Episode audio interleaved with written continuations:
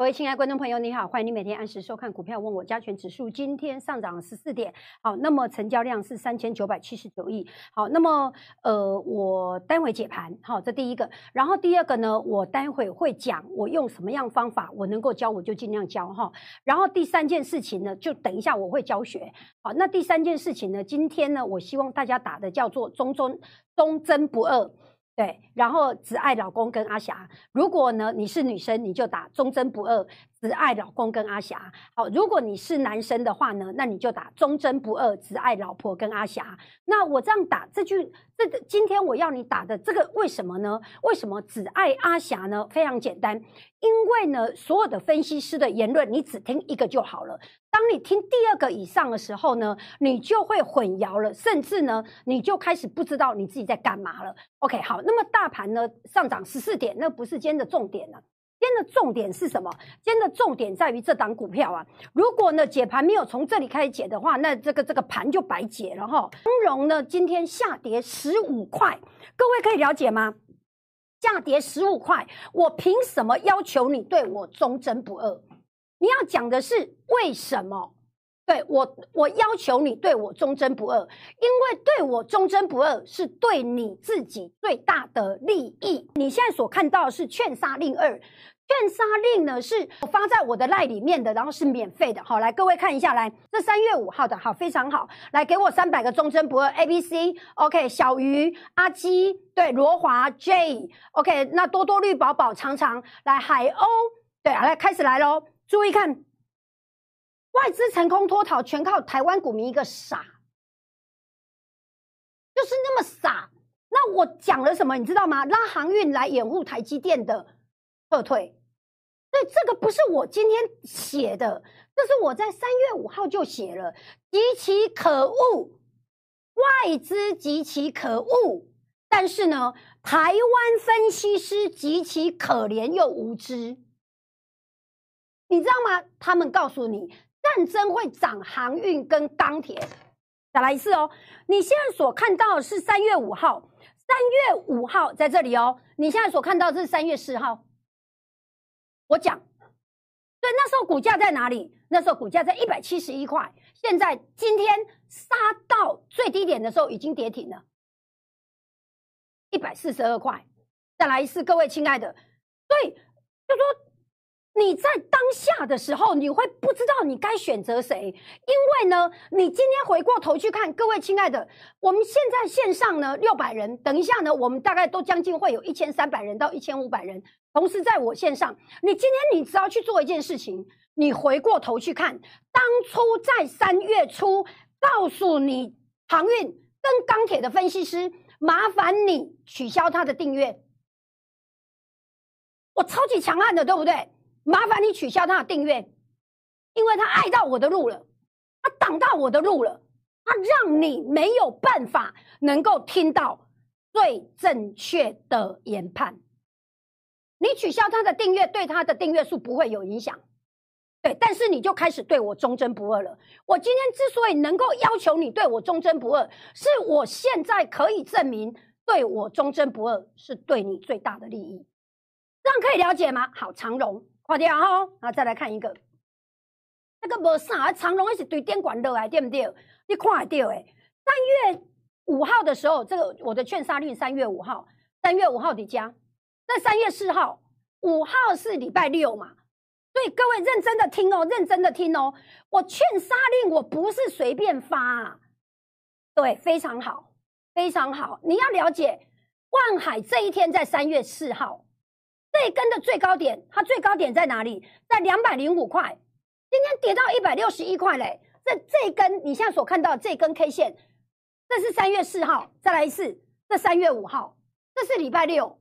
我要求你对我忠贞不二。来，我用一分钟的时间点名，赶快呢打一个忠贞不二。我只爱老公跟阿翔。曾经讲过，你有多深，你就会看我多深。如果你觉得阿翔是跟一般的分析师差不多的话，那代表是太好了。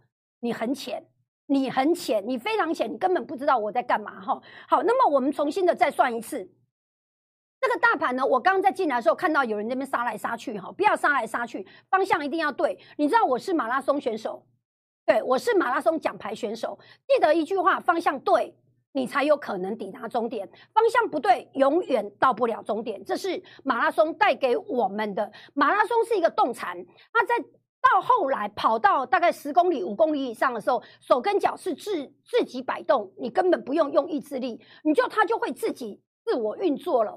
Automatic 就是那样子。OK，这是跑马拉松。好来，我要讲的事情叫做不要弄来弄去哦，方向动。方向对是最重要的。来看这里，来一二三四五，有没有看到一二三四五这五条？哈，OK。所以呢，这是一个短空，这是一个中空，这是一个短空，这是一个中空。看到方向了吗？来看看滑鼠，看到了哈。OK，而且并且都已经排列好了，对吧？好，来，那现在剩一条年线，年线在这里哦。我们再重新的算一次，一、二、三、四、五，到第五天的时候，这里就会破了。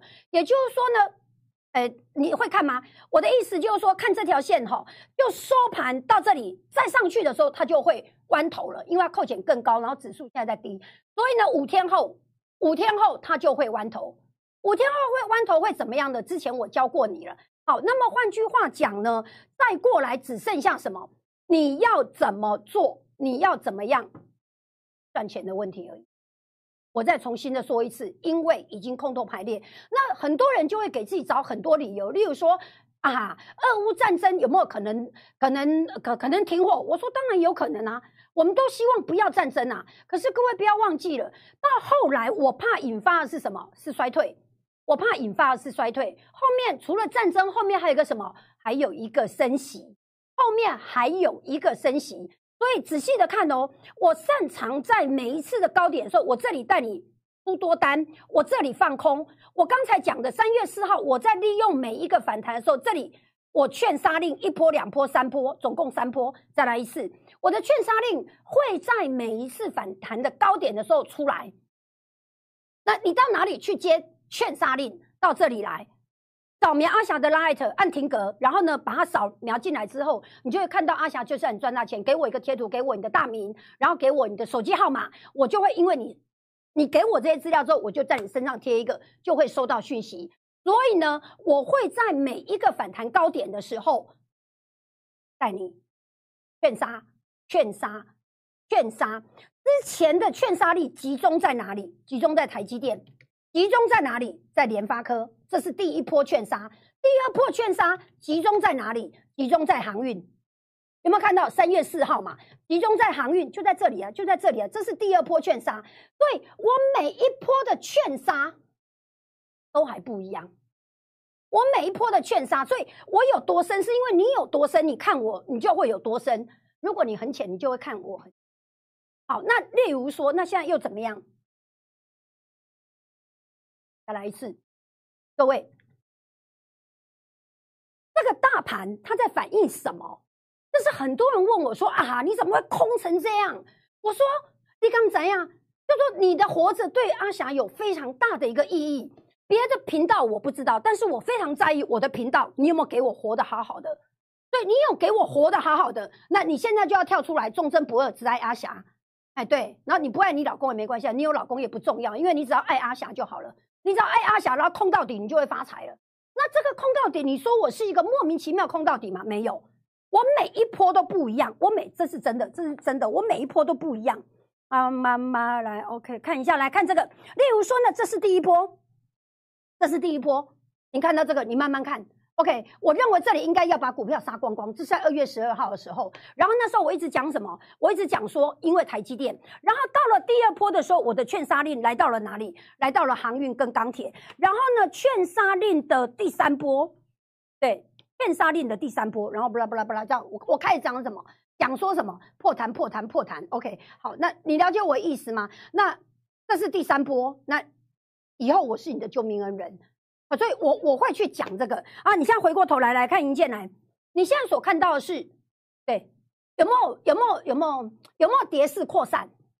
有，这才是今天这个大盘里面最重要的东西。这个大盘今天最重要的东西叫什么？跌势扩散，有没有扩散？有扩散。看到没有？看到没有？看到了吗？看到了吗？所我今天要求你把之前带你买航运跟钢铁的人，把他全部频道全部订阅取消，因为再过来，我们将进入另外一个阶段，叫做叫做要研判，要研判，要研判什么？研判底部。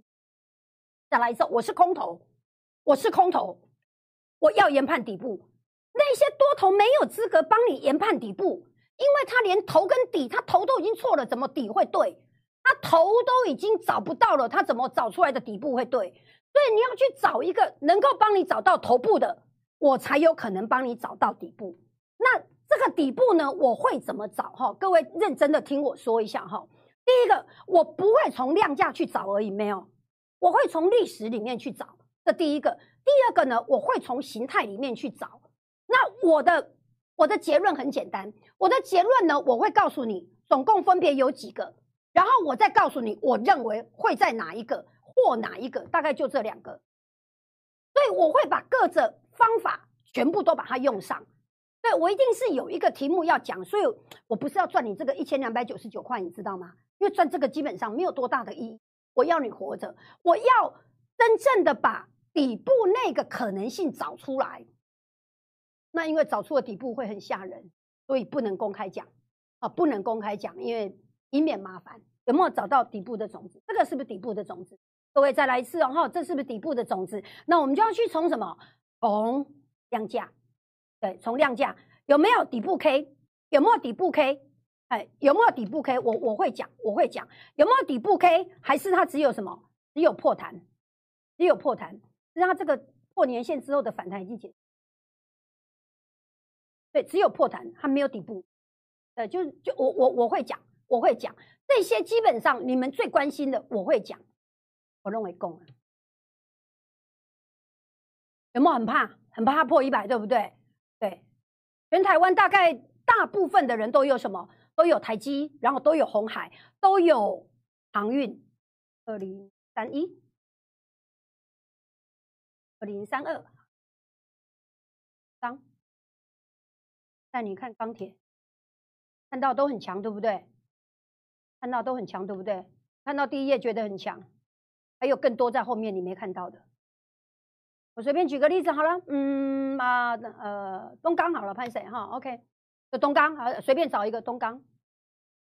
哦，好强哦，超级强的，超级强的，真的超级强的，那就只有一个。再来往下看，下看，看到更多破底的。第一铜铁之前两天有没有人告诉你？有。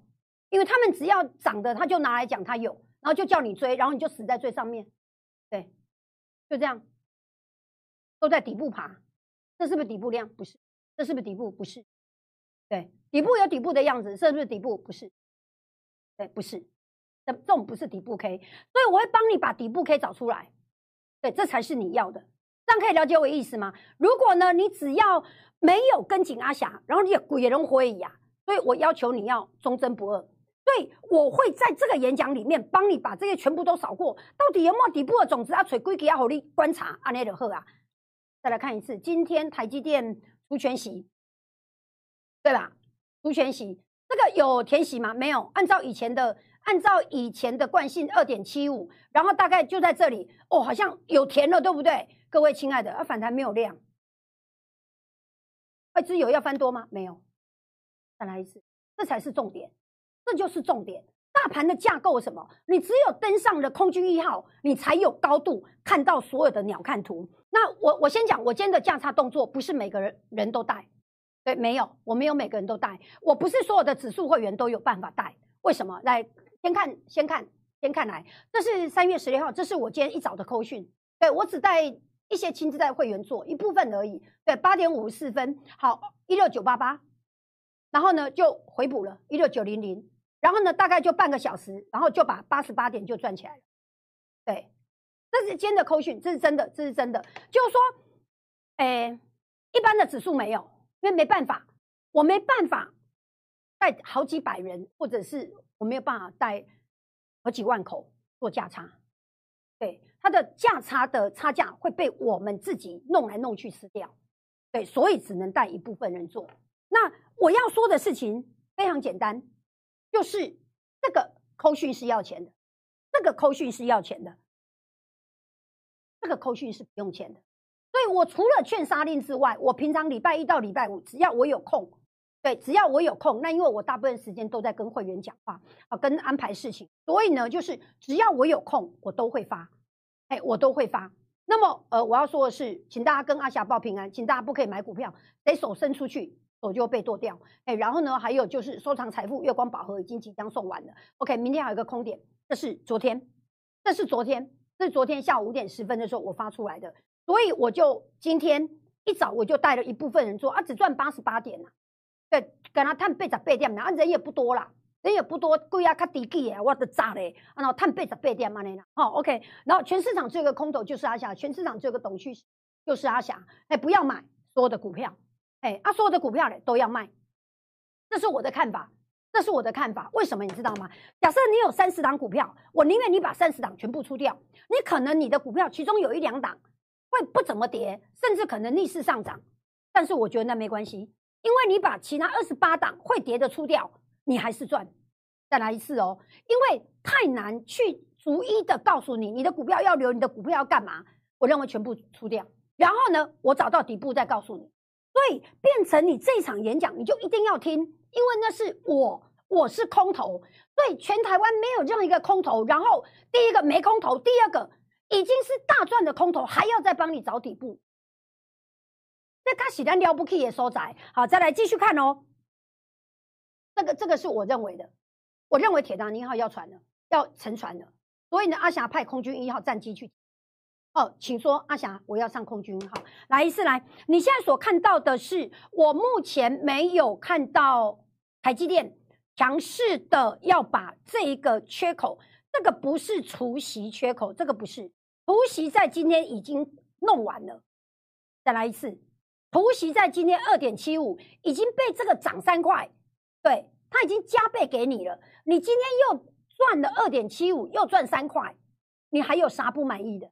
再来一次，对，可以了解我意思吗？二点七五加三块，你个谈啊嘛？那那个息给你了，已经嘛个三块好你呀？对，一加一根 K 三块，对不对？然后公司两个礼拜吧，两个礼拜后再给你二点七五。好，那我要讲的是什么？我们要认真的去讨论，它这个缺口有认真的要回补吗？这关系到什么？这是主跌段的哪一段？再来一次。目前为止，台积电的所有的 K 线是大家 K 线都没有的，所以你只要你只要把台积电抓好，对，然后呢跟在我身边，指数它会跟着。后面就发生，这是五波手哎，能够做价差我就帮你做价差，那不能做价差，方向抓稳。再再随便举个例，让你比较听得懂。例如说，这个往下杀之后，对你不能以为它这里是底，因为这里跳空直接破，而这个点又破，你就跑不掉了。你不能够忽视这个四个跳空缺口，要不然这个跳空下来。大尤那拉，你就明天见了，对，你就你就再从此再见了。为什么？因为给那去收盘过八五十八块，加起偌济加了八五啊，这边六六六百三六百五。对，你了解我的意思吗？那我做一个结论，我做一个结论来，各位亲爱的，我做一个简单的结论。我的方法非常简单，对，你们都叫我神沟妈祖伯还是神侠？那我今天在。我的缩图里面呢，我讲了一个事情，叫做呢，我非常感动，我非常高兴，我有能力能够协助大家躲过股灾。那我已经证明，之前这一段我有能力协助你躲躲过股灾。目前看起来，这个股灾并没有远去，没有这个灾难，目前不是凭这一根然后就远去了，不是，甚至我要讲今天还量价背离。所以呢，就是目前这个灾难并没有过去，所以呢，我希望你跟紧在阿霞身边，你可以把我当成是一个，我是捍卫你的老母鸡战机，对，你可以把它想成这样，然后你躲在我后面，然后我告诉你这里是不是底，这里哪里是空点，这里哪里是反弹的空点，然后你再做动作，我也不希望。所有人认为说阿哈德是康桃，所以我的机手随便空，反正它以后都会跌。你不要忘记了，指数是反弹两百点，它就会追缴。这场股票不讲的哦，这是不讲的哦。所以我的计划，我的发财计划是未来三天之内，我帮你找到最高，然后准备四月份大。那我四月份的看法，我都写在扣讯里，我所有的会员都这样可以了解吗？来讲一下今天的结论哈。今天的结论非常简单，就是呃，股价下跌危机并没有，价的下跌危机并没有解除。四月份充满了坎坷跟荆棘，这是我的看法。你现在可以做的事情叫做这个礼拜五的演讲，一定要听，因为我是一个全身而退，空单赚了一千五百点的空头，我来帮你找底。这是创下台湾股票市场里面由空头来帮你找底部，而不是套牢的多头帮你找底部。好，来再过来预购万物轨迹，因为我全部我们全部都改写。我全部都把它改写，全部都全面改写，短播。然后这个盒子，那这个是一个，这个是封面，还不是正式定版的。因为呢，我跟美编都把它当视为最高机密。对，这个封面到时候不是长成这样，是暂定的而已，做出来样子给你而已。我们把这个收藏盒，我讲的是真的哦，这个收藏盒之精美，之精美。等到你收到的时候，我们的目标就是哇，怎么这么漂亮？对，所以呢，这个盒子，你看到目前为止你没有看到什么，对不对？对，他说你哇，怎么这么漂亮？阿哈的是阿哈，果然不一样。对，这就是我们的编辑目标，这真的，这是真的。好了，OK，我要讲的事情叫做呢，这个大盘我是看继续下跌，那我三天内在崩跌之前帮你把最高点找到，然后呢，让你空好，让你把它空满。那么，请大家今天帮我打忠贞不二，我爱阿霞，感谢大家爱我。那把自己保护好，好不好？把自己保护好，手不要伸出去，手伸出手就剁掉了。感谢您收看，我们明天两点半再见，感谢您。